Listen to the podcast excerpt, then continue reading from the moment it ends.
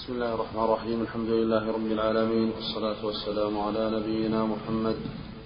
اللهم قال الإمام مسلم رحمه الله تعالى حدثنا يحيى بن يحيى التميمي وسعيد بن منصور وأبو بكر بن أبي شيبة وعمرو الناقد وزهير بن حرب وابن نمير كلهم عن سفيان عن سفيان بن عيينة.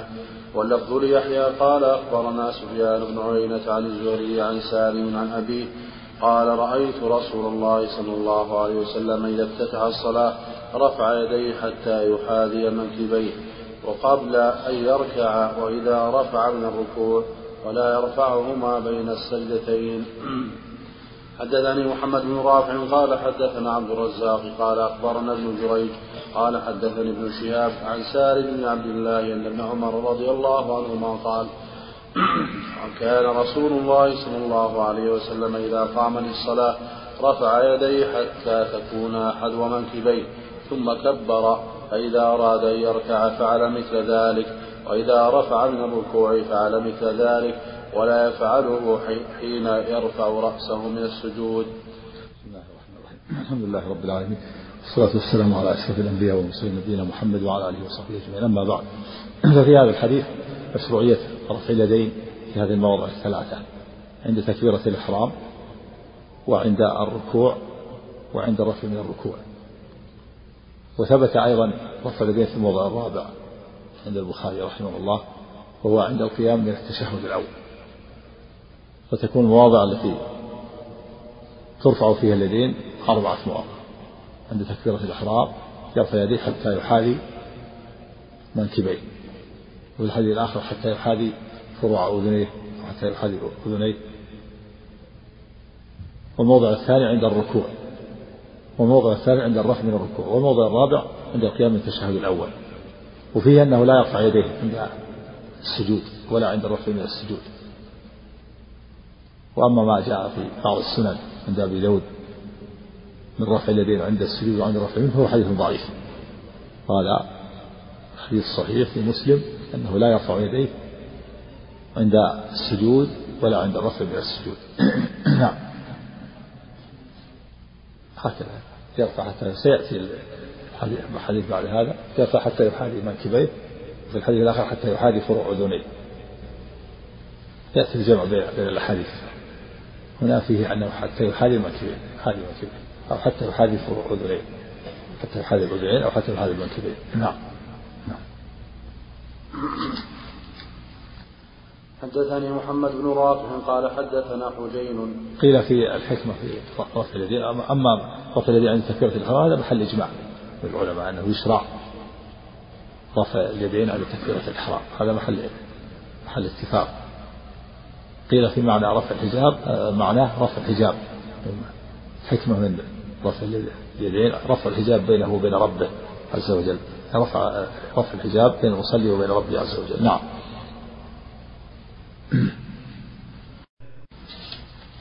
حدثنا محمد بن رافع قال حدثنا حجين وهو بمثنى قال حدثنا الليث عن عقيل. حا وحدثني محمد محمد بن عبد الله بن قرزاد حدثنا قال حدثنا سلمة بن سليمان. قال أخبرنا عبد الله. قال أخبرنا يونس كلاهما عن الزهري بهذا الإسناد. كما قال ابن جريج كان رسول الله صلى الله عليه وسلم إذا قام للصلاة رفع يديه رفع يديه حتى تكون أحد منكبيه ثم كبر. حدثنا يحيى بن يحيى قال أخبرنا خالد بن عبد الله عن خالد عن أبي, عن أبي قلابة أنه رأى مالك بن حويرث إذا صلى كبر ثم رفع يديه وإذا أراد أن يركع رفع يديه وإذا رفع رأسه من الركوع رفع يديه وحدث أن رسول الله صلى الله عليه وسلم كان يفعل هكذا. حدثني أبو, حدثني أبو كامل الجحدري قال حدثنا أبو عوانة عن قتادة عن نصر بن عاصم عن مالك بن حويرث رضي الله عنه أن رسول الله صلى الله عليه وسلم كان إذا كبر رفع يديه حتى يحاذي بهما أذنيه وإذا ركع رفع يديه حتى يحاذي بهما أذنيه. وإذا رفع رأسه من الركوع فقال سمع الله لمن حمده فعل مثل ذلك. نعم في حديث مالك بن حويرث أنه يرفع يديه حتى يحاذي أذنيه. في حديث ابن عمر أنه يرفع يديه حتى يحاذي منكبيه. اختلف العلماء في الجمع بينهما. فقيل هذا يدل على التخيير وأن الإنسان مخير بين أن يرفع يديه حتى يحاذي منكبيه كما في حديث ابن عمر أو يرفع يديه حتى يحاذي فروع أذنيه كما في حديث مالك بن حويرث وهذا هو المعتمد. وقال آخر من أهل العلم الجمع بينهما أن أن أطراف اليدين تحاذي الأذنين وأن الكفين تحاذي المنكبين فيكون الكفين تحاذي المنكبين وأطراف الأصابع تحاذي الأذنين. قال آخرون أن الإبهام يحاذي شحمة شحمة الأذنين. فالمقصود أن المعتمد أنه في الجمع بينهما أنه يفعل هذا ترى ويفعل هذا ترى. يكون هذا باب التنوع.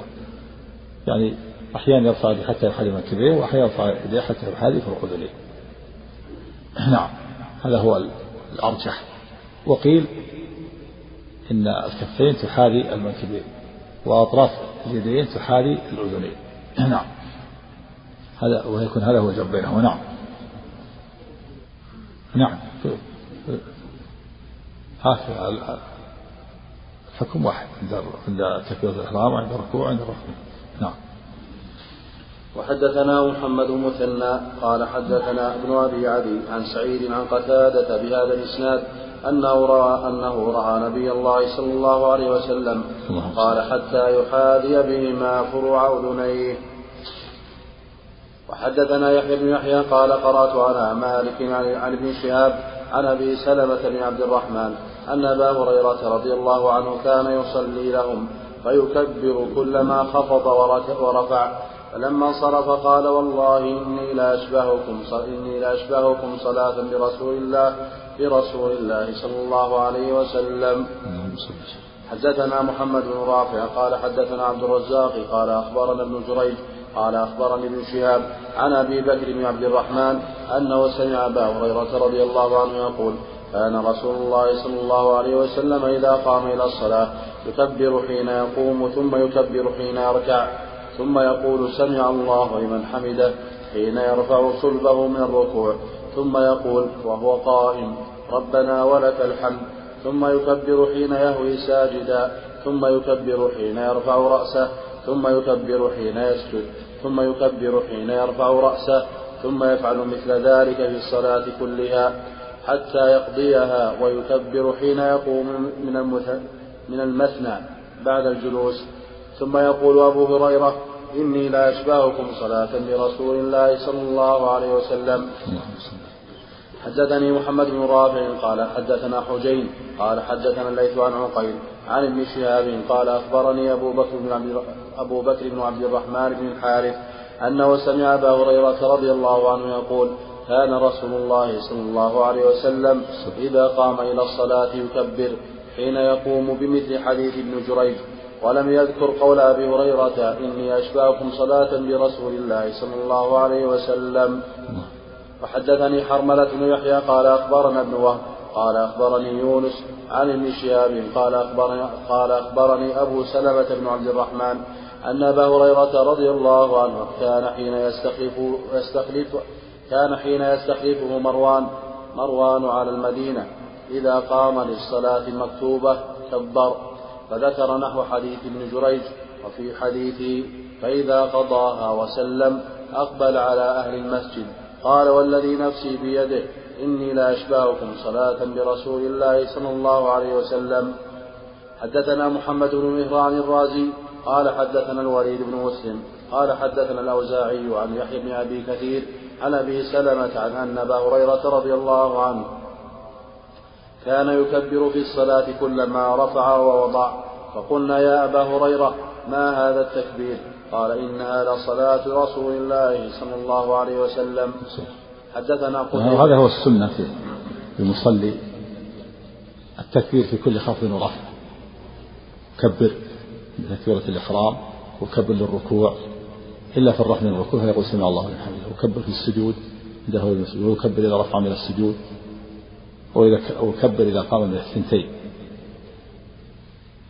وكان بعض بني أمية أحدثوا في الصلاة شيئا وهو أنهم لا يكبرون إلا تكبيرة الإحرام. ولهذا بين له أبو هريرة رضي الله عنه السنة التكبير في كل خفض ورفع لأن بعض وبعض الناس استنكر تكبيرات في كل خفض ورفع كما جاء في بعض الأحاديث. وأنه لما رأى من من يكبر قال إنه شيخ أحمق فبين أبو هريرة رضي الله عنه أن السنة التكبير في كل خفض ورفع هذا هو السنة. ولا شك في مشروعية التكبير في كل خفض ورفع هذا محل اتفاق بين أهل العلم أنه يشرع التكبير في كل خفض ورفع لكن اختلف العلماء في تكبيرات الانتقال هل هي واجبة أو مستحبة؟ الجمهور على أنها مستحبة. تكبيرات تكبيرة الركوع ما عدا تكبيرة الإحرام فهي ركن كما الصلاة إلا بها. تكبيرة الركوع والسجود قول سمع الله لمن حمده. كذلك تكبيرة الانتقال. الجمهور على أنها سنة لو تركها فلا حرج. قال آخرون من العلم أنها واجب. ذهب إلى هذا الإمام أحمد رحمه الله وجماعة وهذا هو الصواب. الصواب أن التكبيرات واجبة. لأمرين. الأمر الأول النبي صلى الله عليه وسلم قال صلوا كما رأيتموني أصلي. وقد حافظ عليه الصلاة والسلام على التكبيرات الانتقال والثاني الأمر النبي في قوله إذا كبر الإمام فكبروا. وكذلك هذا الخلاف يجري في تسبيحة الركوع والسجود وقل رب اغفر لي بين السجدتين. وقل سمع الله لمن حمده. للإمام المنفرد وقل ربنا ولك الحمد. للإمام والمأموم المنفرد. هذه مستحبة عند الجمهور وليست واجبة. والقول الثاني أنها واجبة. إذا تركها عمدا بطلت الصلاة وسهوا يجبرها بسجدتي السهو والجمهور على أنه تركها عمدا أو سهوا صحة الصلاة إلا أنها مشروعة مستحب نعم. يقول ما ذكر في حديث المسيء. حديث المسيء صلاته. لكن جاء في بعض الحديث نعم في حديث مسيء صلاته ما, ذكر له إذا مثل كبر ثم قراءة الصلاة ثم القرآن القرآن ثم اركع حتى يطمئن ركع ثم ارفع ولم يقل ثم كبر. استدلوا بعمومات نعم. حدثنا قتيبة بن سعيد قال حدثنا يعقوب يعني ابن يعني, يعني ابن عبد الرحمن عن سهيل عن أبيه عن أبي هريرة رضي الله عنه أنه كان يكبر كلما خفض ورفع ويحدث أن رسول الله صلى الله عليه وسلم كان يفعل ذلك. حدثنا يحيى بن يحيى وخالف بن هشام جميعا عن حماد قال يحيى أخبرنا حماد بن زيد عن غيلان عن مطرف قال صليت أنا وعمران بن حسين خلف علي بن أبي طالب فكان إذا سجد كبر وإذا رفع رأسه كبر وإذا نهض من الركعتين كبر. فلما انصرفنا من الصلاة قال أخذ عمران بيدي. ثم قال لقد صلى بنا هذا صلاة محمد صلى الله عليه وسلم. أو قال قد ذكرني هذا صلاة محمد صلى الله عليه وسلم. حدثنا أبو بكر بن أبي شيبة وعمر الناقد وإسحاق بن إبراهيم جميعا عن سفيان. قال أبو بكر حدثنا سفيان بن عيينة عن الزهري عن محمود بن الربيع عن عبادة بن الصامت رضي الله عنه يبلغ به النبي صلى الله عليه وسلم لا صلاة لمن لم يقرأ بفاتحة الكتاب. نعم على التكبيرات مثلا في في الرباعية 220 تكبيرة الثلاثية 17 تكبيرة وفي الثنائية 11 أو 12 تكبيرة وفي كل ركعة خمس تكبيرات تكبيرة الإحرام هذه ركن لا خلاف فيها ثم تكبيرة الركوع تكبيرة السجود والرفع من السجود ثم التكبيرة الثانية للسجود ثم الرفع هذه خمس هذه خمس في كل ركعة خمس تكبيرات. تكبيرة الإحرام تكبيرة القيام من التشهد الأول. تكون في في, الرباعية اثنتين اثنتان وعشرون تكبيرة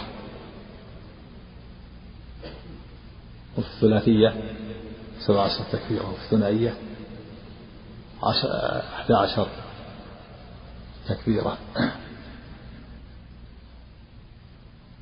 وجاء في بعض الأحاديث أن أن بعض الصحابة صلى وأنه صلى خلفه بعض الناس استنكر. وقال صليت وراء شيخ أحمق. كبر 22 تكبيرة. سئل ابن عباس فقال تلك السنة كما جاء. بعض الناس استنكروا هذا في وأحدثوا هذا في زمان بني أمية. صاروا ولعل هذا أنهم كانوا يخفضون صوتهم بالتكبير ثم تركوا التكبير. استنكر بعض الناس هذا. كما أنهم وجد منهم من يؤخر الصلاة عن وقتها. نعم.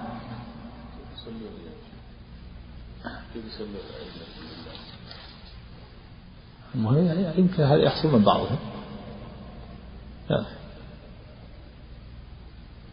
ينظر إليه نعم. نعم. التكبير يسبق أو الحركة تسبق رفع اليد يسبق يسبق أو تكبير أو متلازمان في خلاف. منهم قال يسبق جاء في بعض الأحاديث أنه يسبق أنه كبر ثم ثم رفع وبعدها رفع ثم كبر.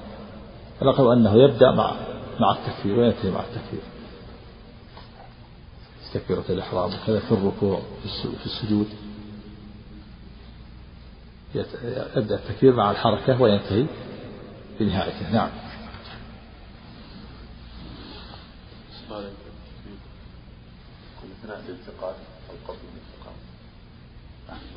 في أثناء مع كبر مع مع الحركة مع إذا تحرك التكبير. نعم. حدثنا أبو بكر بن أبي شيبة وعمر الناقد وإسحاق بن إبراهيم جميعا عن سفيان قال أبو بكر حدثنا سفيان بن عيينة عن الزهري عن محمود بن الربيع عن عبادة بن الصامت رضي الله عنه يبلغ به النبي صلى الله عليه وسلم لا صلاة لمن لم يقرأ بفاتحة الكتاب. حدثني أبو الطاهر قال حدثنا ابن وهب عن يونس وحدثني حرملة بن يحيى قال أخبرنا ابن وهب قال أخبرني يونس عن ابن شهاب قال أخبرني محمود بن الربيع عن عبادة بن الصامت رضي الله عنه قال قال رسول الله صلى الله عليه وسلم لا صلاة لمن لم يقترئ بأم, بأم القرآن. حدثنا الحسن بن علي الحلواني قال حدثنا يعقوب بن إبراهيم بن سعد قال حدثنا أبي عن صالح عن ابن شهاب أن محمود بن الربيع الذي مج رسول الله صلى الله عليه وسلم في وجهه من بئرهم أخبره أن عبادة أن عبادة بن الصامت رضي الله عنه أخبره أن رسول الله صلى الله عليه وسلم قال لا صلاة لمن لم يقرأ بأم القرآن. وحدثنا وإسحاق بن إبراهيم. وهذا الحديث برواية فيه دليل على وجوب قراءة الفاتحة. وهي واجبة في حق الإمام والمنفرد بالإجماع. الفاتحة ركن من أركان الصلاة لا بد منها في كل ركعة للإمام والمنفرد وهذا محل إجماع. اختلف العلماء في وجوبها على المأموم على أربعة أقوال. فقيل إنها ليست واجبة على الإمام لا في السرية ولا في الجهرية. يتحملها الإمام. وذهب إلى هذا كثير من أهل العلم. قالوا ليست واجبة على المأموم لا في السرية ولا في الجهرية استدلوا بحديث من كان له إمام فقرة الإمام له قراءة. وهو حديث ضعيف عند أهل العلم. قال آخر من أهل العلم تجب في السرية ولا تجب في الجهرية لأن الإمام يقرأ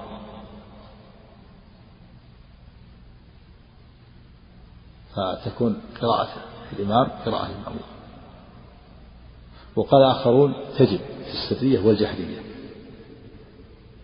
وهذا هو الأرجح لعموم هذا الحديث لا صلاة لمن لم يقرأ بفاتحة الكتاب.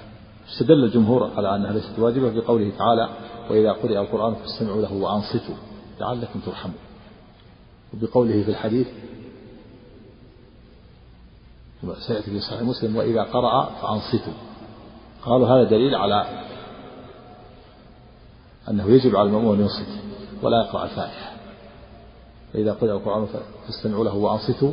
قال الإمام أحمد رحمه الله هذه الآية نازلة في الصلاة. أجمع العلماء على نازلة في الصلاة. هو الذي يجب الإنصات أما في غير الصلاة فقد يجب وقد لا يجب. فدل على أن المأموم لا يقرأ.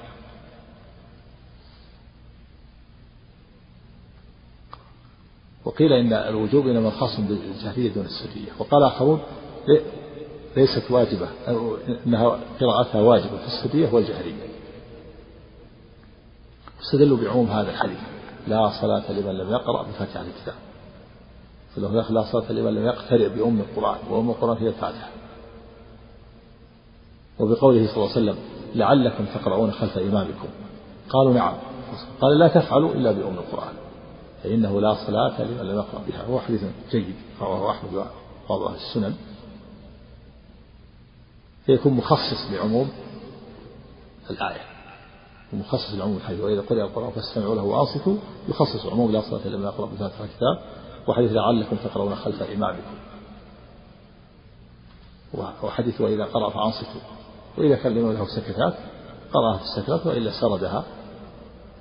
القول الرابع لأهل العلم أن و وعلى قول وعلى هذا القول وقول الجماهير أنها تسقط عن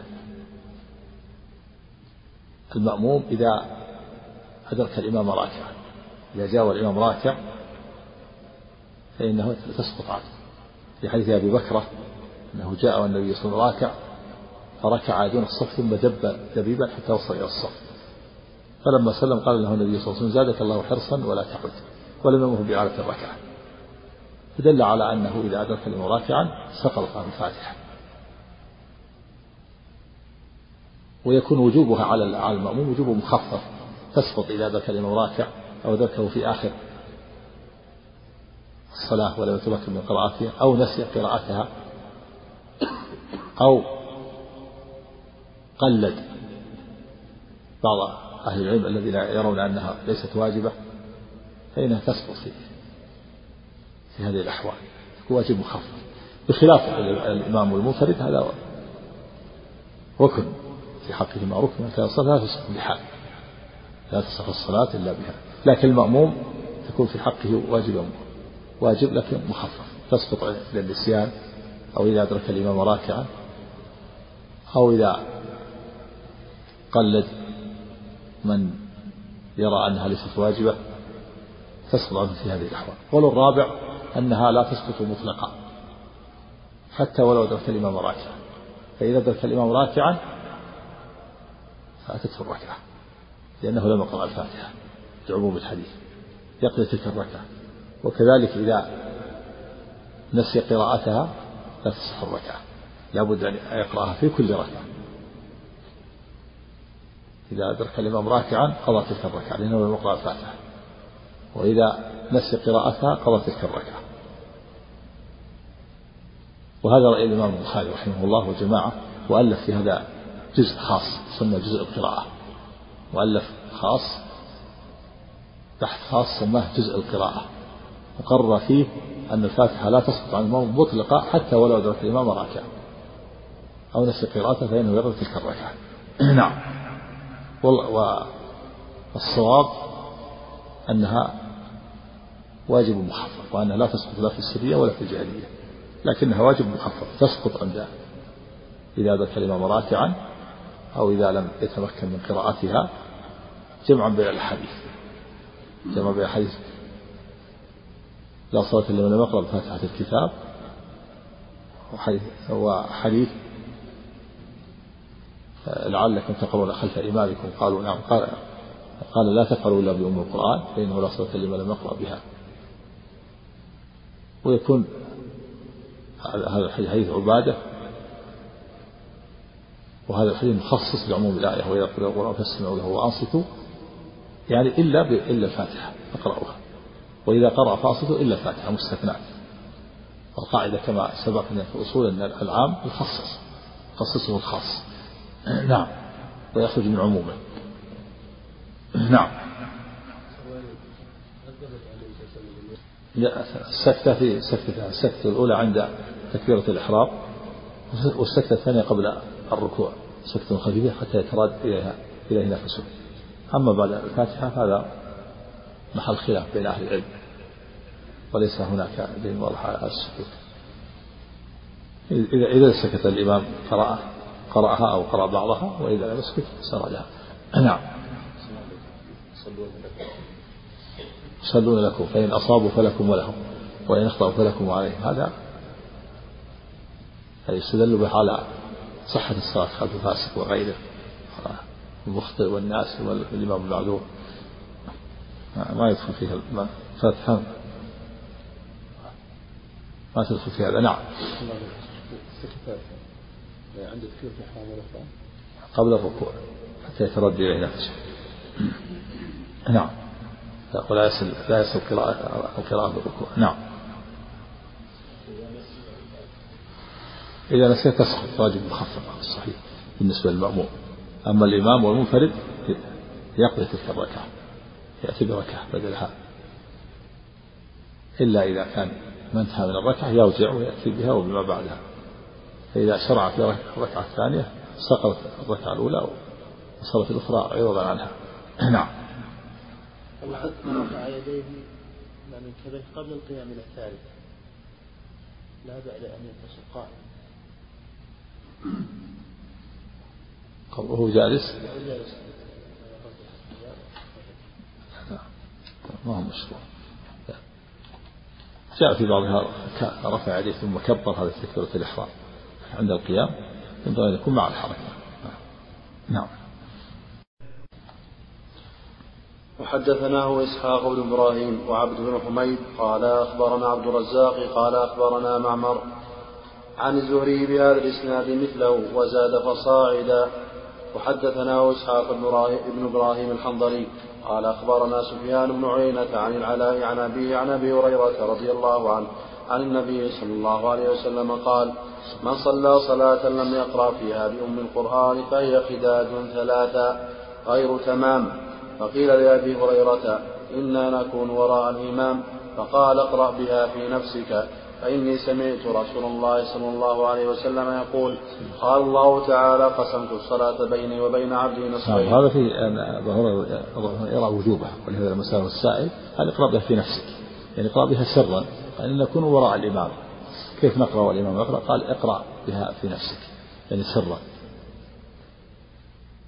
لأنه لا, لا بد منها. أعاد الحديث. قيل لأبي هريرة حدثنا. حدثنا. وحدثنا إسحاق بن إبراهيم الحنظلي قال أخبرنا سفيان بن عينة عن العلاء عن أبي عن أبي هريرة رضي الله عنه عن النبي صلى الله عليه وسلم قال من صلى صلاة لم يقرأ فيها بأم بأم القرآن فهي خداج يعني ناقصة. خداج يعني ناقصة. ناقصة. وقد دلت النصوص على أن هذا النقص يبطل الصلاة. دلت النصوص الأخرى. من صلى صلاة لم يقرأ فيها بأم فهي خداج هي ناقصة. والخداج يطلق على الشيء الناقص. الذي إحدى يديه فيها خلل قال خداج وهو مخدج الذي يكون الذي أخبر النبي عنه يكون من الخوارج. ذو الفديتين مخدج بما في نقص. لأن يده يده لها مثل بضعة مثل بضعة يحركها. وهو ولد الناقة يقال الخداج. فالمقصود أن الخداج شيء ناقص. وقد دلت النصوص على أن هذا النقص يبطلها. دلت النصوص الأخرى كما في حديث عبادة وغيره أنه يبطل الصلاة إذا لم يقرأ فيها الفاتحة. نقص يؤدي إلى بطلانها. نعم. قال من صلى صلاة لم يقرأ فيها بأم القرآن فهي خداج ثلاثة. هذا يشمل كل صلاة. صلى صلاة. نعم. كل صلاة. لابد فيها من قراءة الفاتحة. نعم. ما يكون أحسن رد على من قال بعدم وجوبها في صلاة الجنازة. كذا صلاة الجنازة كذلك الصلاة في صلاة الجنازة واجبة. نعم. نعم. لأنه سمى صلاة. سمى صلاة. نعم. لابد فيها جنازة فيها الوضوء فيها استقبال القبلة ولها تكبير ولها سلام قراءة الفاتحة. لكن الصلاة ليس فيها ركوع ولا سجود. نعم. قال من صلى صلاة لم يقرأ فيها بأم القرآن فهي خداج ثلاثة غير تمام. فقيل لأبي هريرة إنا نكون وراء الإمام. فقال اقرأ بها في نفسك. فإني سمعت رسول الله صلى الله عليه وسلم يقول قال الله تعالى قسمت الصلاة بيني وبين عبدي نصفين ولعبدي ما سأل. فإذا قال العبد الحمد لله رب العالمين قال الله تعالى حمد حمدني عبدي. وإذا قال الرحمن الرحيم قال الله تعالى أثنى علي عبدي. وإذا قال مالك يوم الدين قال مجدني عبدي. وقال مرة فوض إلي عبدي. فإذا قال إياك نعبد وإياك نستعين قال هذا بيني وبين عبدي ولعبدي ما سأل. فإذا قال اهدنا الصراط المستقيم صراط الذين أنعمت عليهم غير المغضوب عليهم ولا الضالين. قال هذا لعبدي ولعبدي ما سأل. قال سفيان حدثني به العلاء بن عبد الرحمن بن يعقوب دخلت عليه وهو مريض في بيته فسألته أنا عنه. نعم وهذا فيه في تسمية الفاتحة بين الصلاة. هذا الحديث القدسي يقول الرب عز وجل قسمت الصلاة بيني وبين عبدي نصفين. سمى الصلاة سمى الفاتحة صلاة لأنها أعظم أركان الصلاة. أعظم أركان الصلاة ولا تصح الصلاة إلا بها سماها صلاة. أي من أسمائها الفاتحة لها عدة أسماء. سمى الفاتحة سمى أم القرآن السبع المثاني سمى الصلاة. قسمت الصلاة يعني فاتحة بيني وبين عبدي نصفين فإذا قال العبد الحمد لله رب العالمين في دليل على أن البسملة ليست من الفاتحة. ولو كانت من الفاتحة لقال الرب فإذا قال العبد بسم الله الرحمن الرحيم. دل على أول آية من الفاتحة الحمد لله رب العالمين. قسمت الصلاة من الفاتحة بيني وبين عبدي فإذا قال العبد الحمد لله رب العالمين. قال الله أثنى علي عبدي. الحمد ثناء والثناء على المحمود بصفاته الجميلة مع حبه وإجلاله وتعظيمه. هذا ثناء. الحمد لله رب العالمين.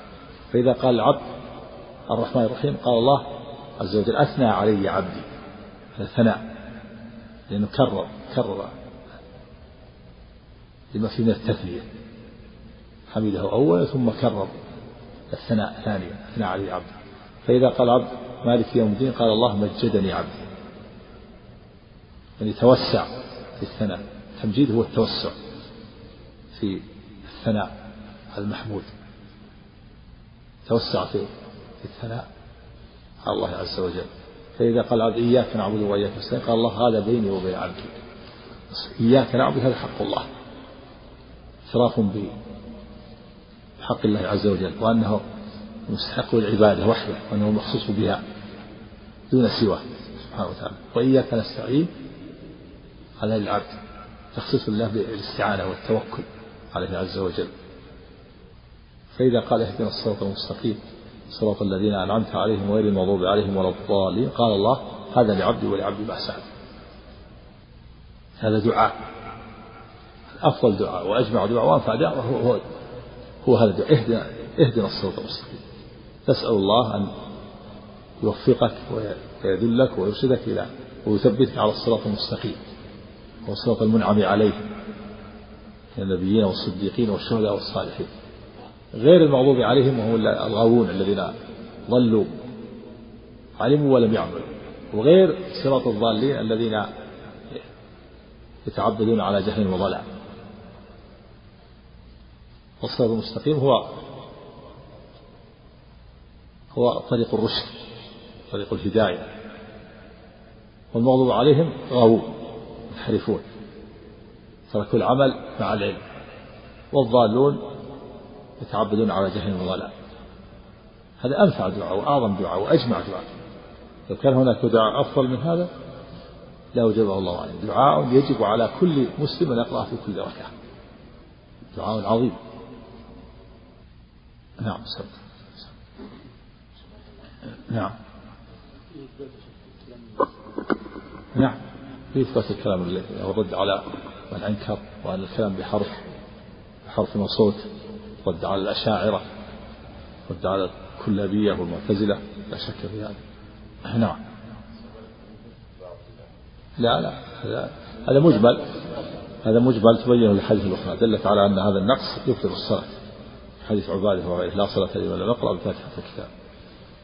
القاعدة أن الحديث المجمل يفسر الأحاديث الواضحة نعم. بسم الله الرحمن الرحيم. الحمد لله رب العالمين والصلاة والسلام على أشرف الأنبياء المرسلين نبينا محمد وعلى آله وصحبه وسلم تسليما كثيرا إلى يوم الدين وبعد.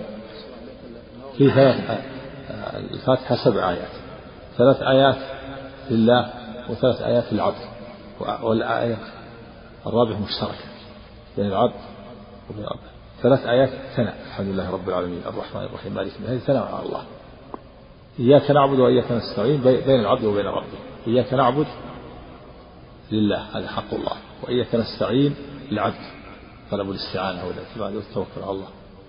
وثلاث آيات الأخيرة للعبد. اهدنا الصراط المستقيم. صراط الذين أنعمت عليهم غير المغضوب عليهم ولا الضالين. لهذا قال الله تعالى. قسمت الصلاة بيني وبين عبدي نصفين. ثلاث آيات اسمها لله ثلاث آيات الأخيرة للعبد. والرابعة بين العبد وبين ربه. نعم. النووي يقول ويتفق على أن الجنوب لو تدبر القرآن بقلبه من غير حركة لسانه لا يكون قارئا مرتكبا لقراءة الجنوب المحرمة. نعم ما يكون ما يكون قارئ. اللي يقرأ بقلبه ما هو قارئ. ولينظر بعينيه.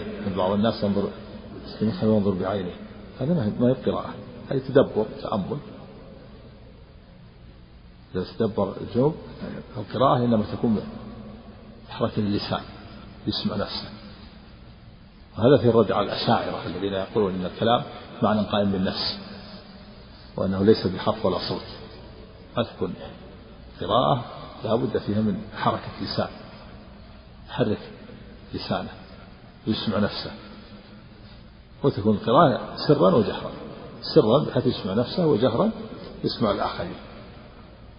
أما تدبر وتأمل في القلب أو نظر بالعينين هذا ليس بقراءة هذا تدبر ما يسمى قراءة. نعم. إليك هذا ما يكون من اقرار من النووي مع أنه أحيانا رحمه الله يأخذ مثل الشاعرة اقرار منه بأن الكلام ليس هو كلام النفس النووي حفظ الحجر نعم قد ما هو واضح هذا أقول ما هو واضح. قد قد يؤولونه يقول هذا بالنسبة للعبد بالنسبة للمخلوق. الشاعر هو يقول هذا بالنسبة للمخلوق. أما بالنسبة للخالق معنى قائم بالنفس. وهذا وهذا والذي عبر عنه جبريل ومحمد. هذا من الأشاعرة. نعم. الكلام بالله عز وجل حرفا لا نعم بحرف وصوت لا بحرف وصوت دلت الأحاديث على على هذا النصوص على هذا من القرآن والسنة. وناديناه من جانب الطول الأيمن قربناه نجيا. وإذ نادى ربك موسى والنداء إنما يكون بالصوت. النداء هو الكلام من بعد. وقربناه نجيا. هذا المناجاة الكلام من قرب. ثبت الله الكلام من قرب. وكذلك أيضا جاء في الحديث. الله تعالى ينادي آدم يوم القيامة فيقول يا آدم. يقول لبيك وسعديك. ثابت الصحيح الصحيحين. فيقول أخرج بعث النار. حرف وصوت.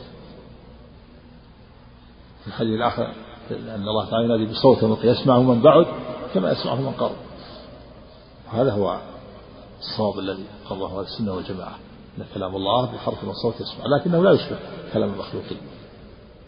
كلام خالق يسمعه من بعد كما يسمعه من قرب. أما كلام المخلوق فالقريب يسمع أكثر من البعيد. نعم.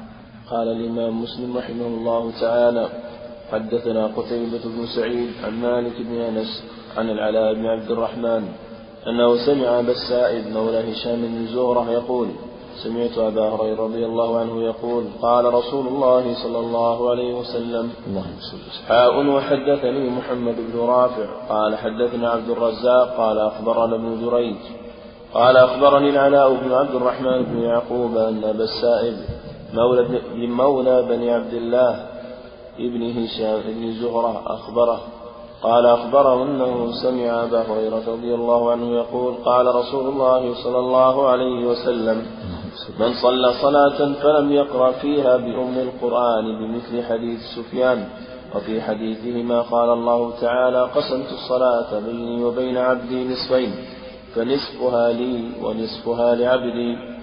حدثني أحمد بن جعفر المعقلي قال حدثنا النضر بن محمد. حدثني؟ حدثني أحمد بن جعفر المعقلي. نعم. معقري كذا. قال, قال بفتح الميم وإسكان العين وكسر القاف المعقري نعم. نسبة إلى معقر في اليمن نعم.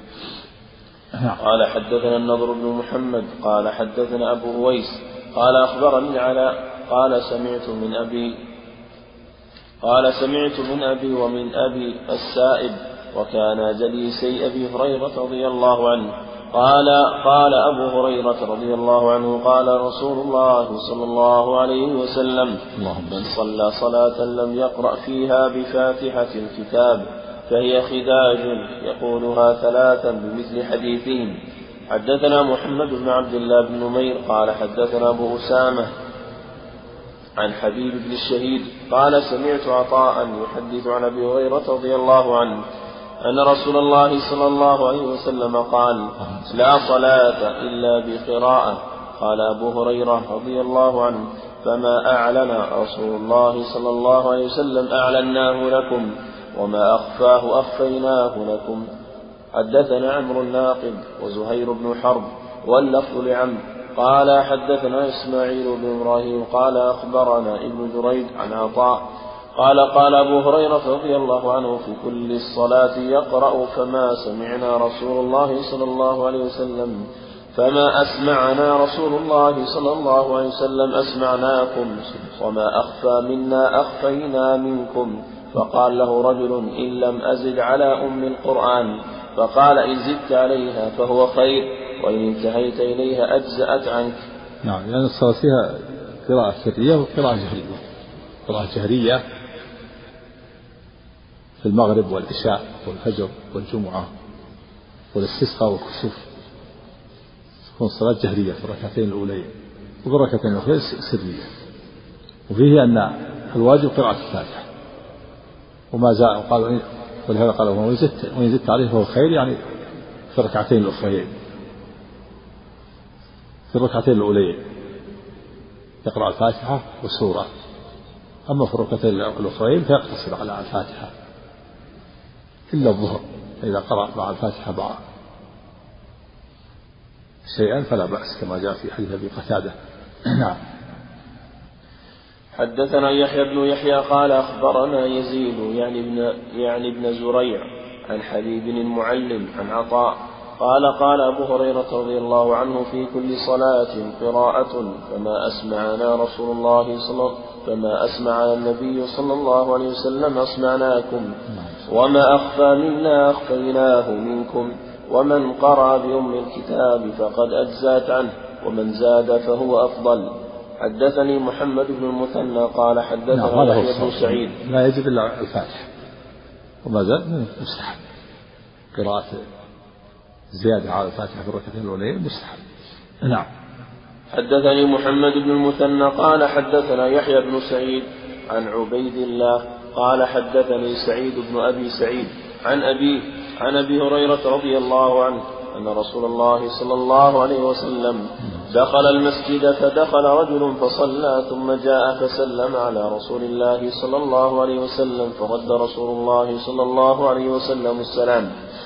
قال ارجع فصل فإنك لم تصل فرجع الرجل فصلى كما كان صلى ثم جاء إلى النبي صلى الله عليه وسلم فسلم عليه فقال رسول الله صلى الله عليه وسلم وعليك السلام ثم قال ارجع فصل فإنك لم تصل فإنك لم تصل حتى فعل ذلك ثلاث مرات فقال الرجل والذي بعثك بالحق ما أحسن غير هذا علمني قال إذا قمت إلى الصلاة فكبر ثم اقرأ ما تيسر ما تيسر معك من القرآن ثم اركع حتى تطمئن راكعا ثم ارفع حتى تعتدل قائما ثم اسجد حتى تطمئن ساجدا ثم ارفع حتى تطمئن جالسا ثم افعل ذلك في صلاتك كلها. نعم وهذا الحديث سمى حديث المسيء عند أهل العلم. وفيه النبي صلى الله عليه وسلم علمه كيفية الصلاة. وفيه أنه قال له ارجع فصلي فإنك لم تصلي وهو صلى لكنه صلى صلاة سورية ولم يصلي صلاة شرعية. ارجع فصلي يعني صلاة شرعية. وفيها قول الراوي رجع الرجل صلى صلى فجاء يعني صلى صلاة سورية. فجاء النبي صلى الله عليه وسلم قال ارجع فصلي أي صلاة شرعية. فإنك لو تصلي. فيه دليل على وجوب الطمأنينة وأنها ركن من أركان الصلاة. وأن من لم يطمئن في صلاته فصلاته باطلة يؤمر بإعادتها. ولهذا أمر النبي صلى الله عليه وسلم هذا الرجل أن يعيد الصلاة. لأن صلاته باطلة حيث أنه لم يطمئن في صلاته. دل على الطمأنينة ركن في الصلاة والطمأنينة معناه هو السكون والركود في كل ركن من أركان الصلاة حتى يعود كل مفصل إلى موضعه. يسكن ويطمئن حتى يعود كل مفصل إلى موضعه. في الركوع وفي السجود بين السجدتين. بعد الرفع من الركوع لا بد يطمئن ويسكن حتى يعود كل مفصل إلى موضعه. لا بد منه. وفيه أن النبي صلى الله عليه وسلم لم يأمره بإعادة الصلوات الماضية. ظاهر ظاهر هذا أنه هذه صلاته لا أحسن غير هذا علم. أنه طول عمره يصلي هذا. لم يأمره بإعادة الصلوات الماضية لأنه معذور بالجهل عذره بجهله. لكنه لا لم يعذره بالصلاة الحاضرة. إذا كان الإنسان يخل بصلاته وجاهل له سنين طويلة يؤمر بإعادة الصلاة الحاضرة. وما مضى فلا لا يؤمر بإعادته وفي دليل على مشروعية السلام. وأنه يشرع تكرار السلام إذا اشتغل الإنسان بشيء ولو كان من يسلم عليه يشاهده. هذا الرجل سلم على النبي صلى الله عليه وسلم. ثم صلى ركعتين والنبي يشاهده. ثم جاء فسلم فرد عليه السلام. ثم رجع فصلى ثم جاء فسلم. ثلاث مرات. دل على أن الإنسان إذا اشتغل بشيء كان يصلي مثلا صلى ركعتين ثم جاء يسلم بعد ذلك مرة أخرى. ولو كان ولو كان الإنسان يشاهده وفي النبي صلى الله عليه وسلم أرشده إلى الطمأنينة ودل على أن الطمأنينة من أهم أركان الصلاة. وأن وأنه إذا فقدت الطمأنينة بطلت الصلاة. نعم. نعم. قالوا ما في هذا الحديث انما ركعان ارشد إلى نعم. كان اقرأ. الله عليه وسلم القران في اللفظ الآخر سيأتي أنه قد استقبل القبلة وكبر اسفل الوضوء وكبر. نعم. صلى إليك. هل صحيح كذلك أنه يستدل بهذا الحديث إلى جواز وعلى جواز تأخير البيان إلى وقت الحاجة؟ فيها النبي ما ما لم لم يبين له في أول الأمر لعله ينتبه. لا ما, ما, ما في تأخير الآن لكن النبي صلى الله عليه وسلم بينه في الحال. لكن تركه النبي صلى الله عليه وسلم المرة الأولى والثانية لعله ينتبه. وليكون لها وقع في نفسه لعله بعد ذلك. لعله يعرف الخطأ. ثم في المرة الثالثة ما تركه حتى يذهب. تركه حتى يذهب ثم مرة أخرى لكنه تركه لم يعلم في المرة الأولى والثانية والثانية لعله ينتبه. وليكون لا تعين له وقع في نفسه. نعم. ولا شك أن البيان لا يؤخر عن وقت الحاجة وقد يؤخر إلى وقت الحاجة. دلت عليه أدلة أخرى نعم فلا يؤخر البيان عن وقت الحاجة لكن قد يؤخر إلى وقت الحاجة مثل شرعية الصلوات. الصلوات شرعت فرضت على النبي صلى الله عليه وسلم ثم بعد ذلك الأوقات والواجبات والأركان فرضت بعد ذلك. تأخر وقتها إلى وقت الحاجة. نعم. نعم.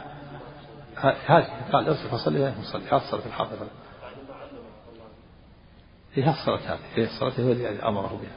قال ارجع فصلي فإنك لا تصلي الصلاة الحاضرة أمره أن يعيدها. ظاهرها أنها أنها فريضة. نعم.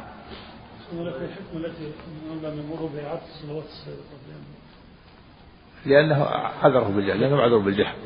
ولأن ولأن يلزم على قضائها المشقة العظيمة السنين الطويلة. والله تعالى يقول ما جعل عليكم في الدين من حرج. نعم. نعم. احتج بهذا الإمام أبو حنيفة وقال أنه يجوز يقرأ غير الفاتحة. لو قرأ غير الفاتحة صح. هذا قول ضعيف. بالباطل هذا المراد بما تيسر الفاتحة. فسر حديث عبادة وغيره. نعم.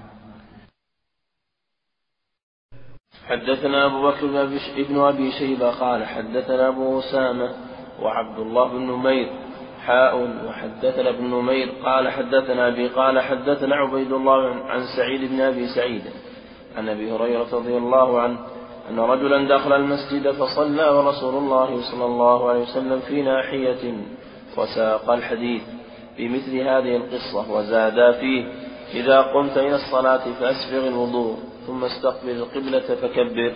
وهذا زاده خيرا لأنه إذا كان يخل بالصلاة خشي عليه أن يكون يخل بالوضوء. ولهذا قال إذا قلت فاستقبل فأسبغ الوضوء استقبل فأسبغ الوضوء ثم استقبل القبلة. كذلك استقبال القبلة شرط من شروط الصلاة. وفيه أن المسؤول قد يجيب قد يزيد على سؤال السائل. فيجيبه بشيء لا يسأل عنه لأنه قد يحتاج إليه. مثل قوله صلى الله عليه وسلم سئل عن البحر قال هو طهور ماء وتحل ميتته. سأل عن الرجل لما سأل النبي أن توضأ من ماء البحر؟ قال هو طهور ماء وتحل ميتته. فزاد الحل ميتته. سأل عن الطهارة فأخبر أنه طاهر وأخبر أن ميتته حلال لأنه إذا كان يركب البحر كما أنه يحتاج الوضوء يحتاج إلى معرفة حكم أكل أكل ميتته.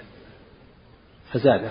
كذلك الأعرابي هنا لما كان يخل بالصلاة خشي عليه الصلاة والسلام أن يكون أيضا يخل بالوضوء فأمره بإسباغ الوضوء. أسفل الوضوء ثم استقبل القبلة كبر نعم. حدثنا سعيد بن منصور وقتيبة بن سعيد كلاهما عن أبي عوانة.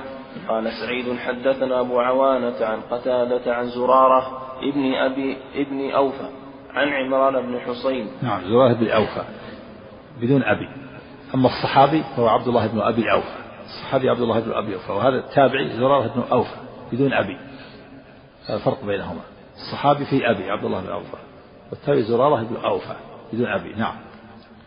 عن عمران بن حصين رضي الله عنه قال صلى بنا رسول الله صلى الله عليه وسلم صلاة الظهر أو العصر. فقال أيكم قرأ خلفي بسبح اسم ربك الأعلى؟ فقال رجل أنا ولم أرد بها إلا الخير. قال قد علمت أن بعضكم خالجنيها. حدثني محمد بن المثنى ومحمد بن بشار قال حدثنا محمد بن جعفر قال حدثنا شعبة عن قتادة قال سمعت زرارة بن أو ابن أوفى قال سمعت زرارة بن أوفى يحدث عن عمران بن حصين رضي الله عنه أن رسول الله صلى الله عليه وسلم صلى الظهر فجعل رجل يقرأ خلفه بسبح اسم ربك الأعلى فلما انصرف قال أيكم قرأ أو أق قال أيكم قرأ أو أيكم القارئ فقال رجل أنا فقال قد ظننت أن بعضكم خالجنيها. نعم. يعني شوش فيه أن المأموم لا يقرأ خلف الإمام إلا الفاتحة كما في الحديث السابق لا تفعلوا إلا بأم القرآن إنه لا صلاة إلا بها. أما هذا الرجل قرأ سبح اسم ربك الأعلى ليس له أن يقرأ خلف الإمام وهو يشهر يعني شوش عليه رأيت أن بعضهم خرج نعم. ولأن قراءة الإمام وأنه ينبغي له الإنصات يجب عليه الإنصات مع الفاتحة. نعم. حدثنا أبو بكر بن أبي شيبة قال حدثنا إسماعيل بن علي حاء وحدثنا محمد بن المثنى قال حدثنا ابن أبي عدي كلاهما عن ابن أبي عروبة عن قتادة بهذا الإسناد أن رسول الله صلى الله عليه وسلم صلى الظهر وقال قد علمت أن بعضكم خالجنيها حدثنا محمد بن المثنى وابن بشار كلاهما عن غندر. قال ابن المثنى حدثنا محمد بن جعفر. قال حدثنا شعبة.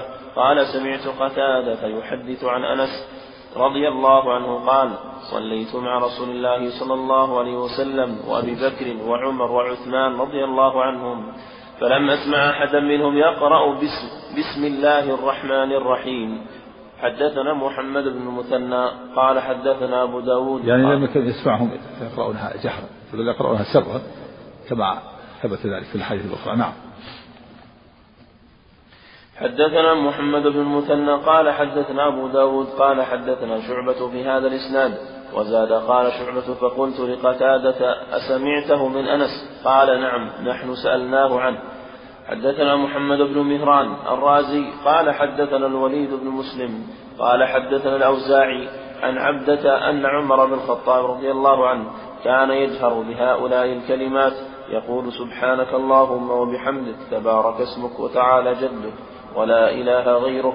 وعن قتادة أنه كتب إليه يخبره عن أنس بن مالك رضي الله عنه أنه حدثه قال صليت خلف النبي صلى الله عليه وسلم وأبي بكر وعمر وعثمان رضي الله عنهم فكانوا يستفتحون بالحمد بالحمد بالحمد لله رب العالمين. لا يذكرون بسم الله الرحمن الرحيم في أول قراءة ولا في آخرها. يعني بل يسرون بها.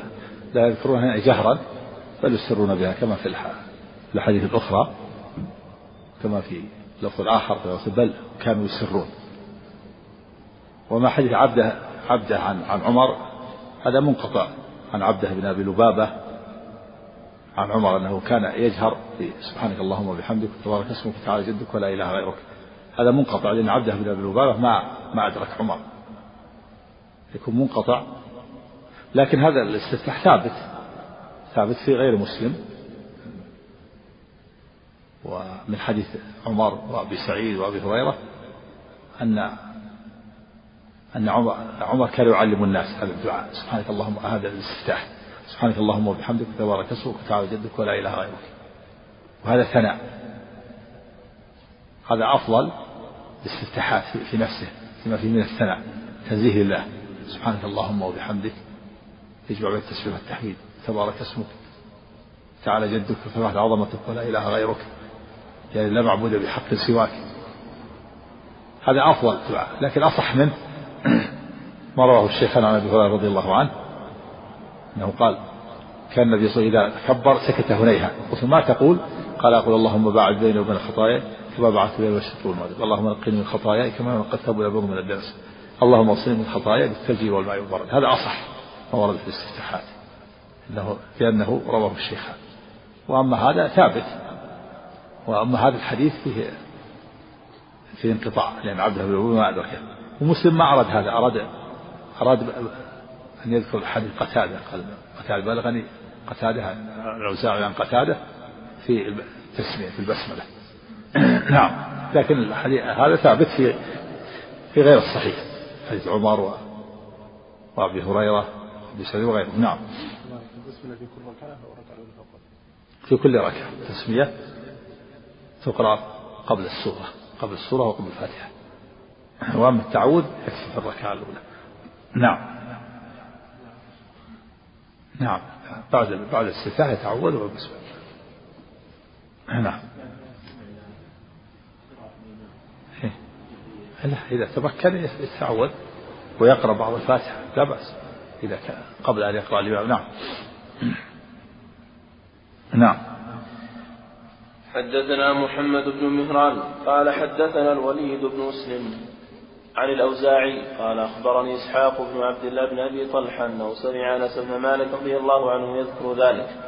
حدثنا علي بن حجر السعدي قال حدثنا علي بن مسهر قال أخبرنا المختار بن فلفل عن أنس بن مالك حاء وحدثنا أبو بكر بن أبي شيبة واللفظ له قال حدثنا علي بن مسهر عن عن المختار عن أنس رضي الله عنه قال بين رسول الله صلى الله عليه وسلم ذات يوم بين أظهرنا إذ أغفى إغفاءة ثم رفع رأسه متبسما فقلنا ما أضحكك يا رسول الله؟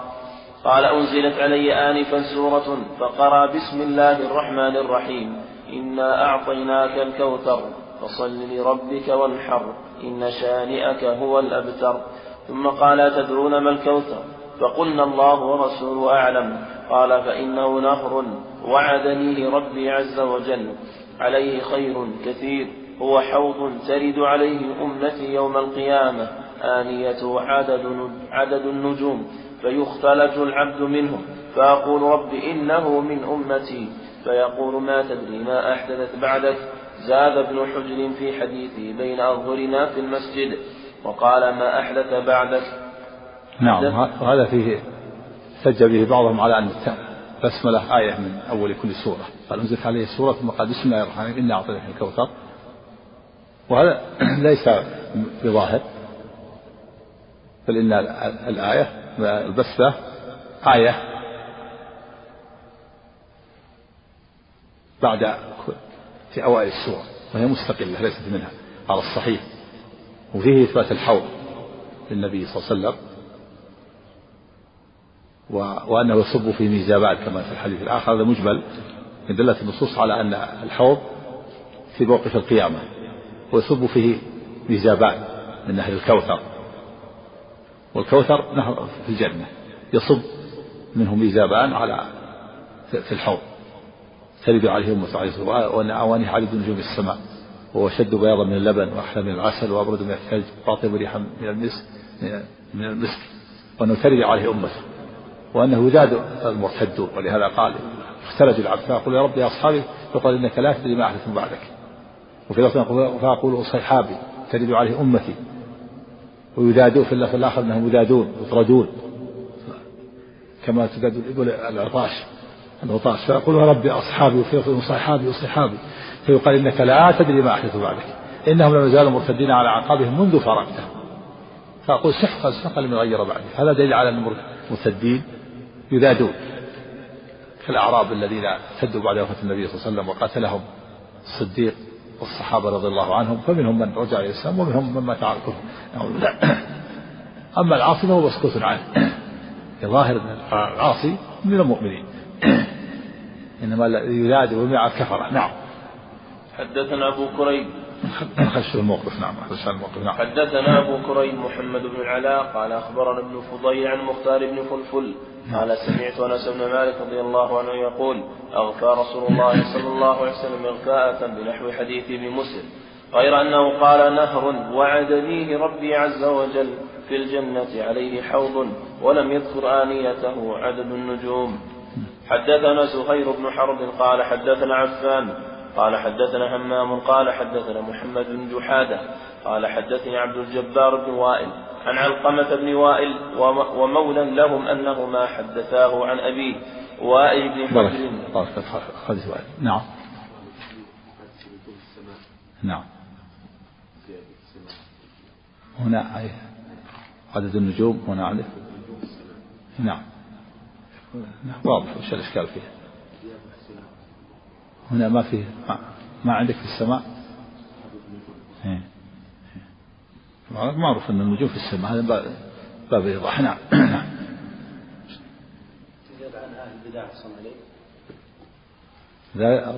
ظاهر الحديث أن المرتدون. المرتدون عنه ذكر بعضهم أهل البدع. ذكر هذا السفاريدي أنه بعض أهل البدع يزادون.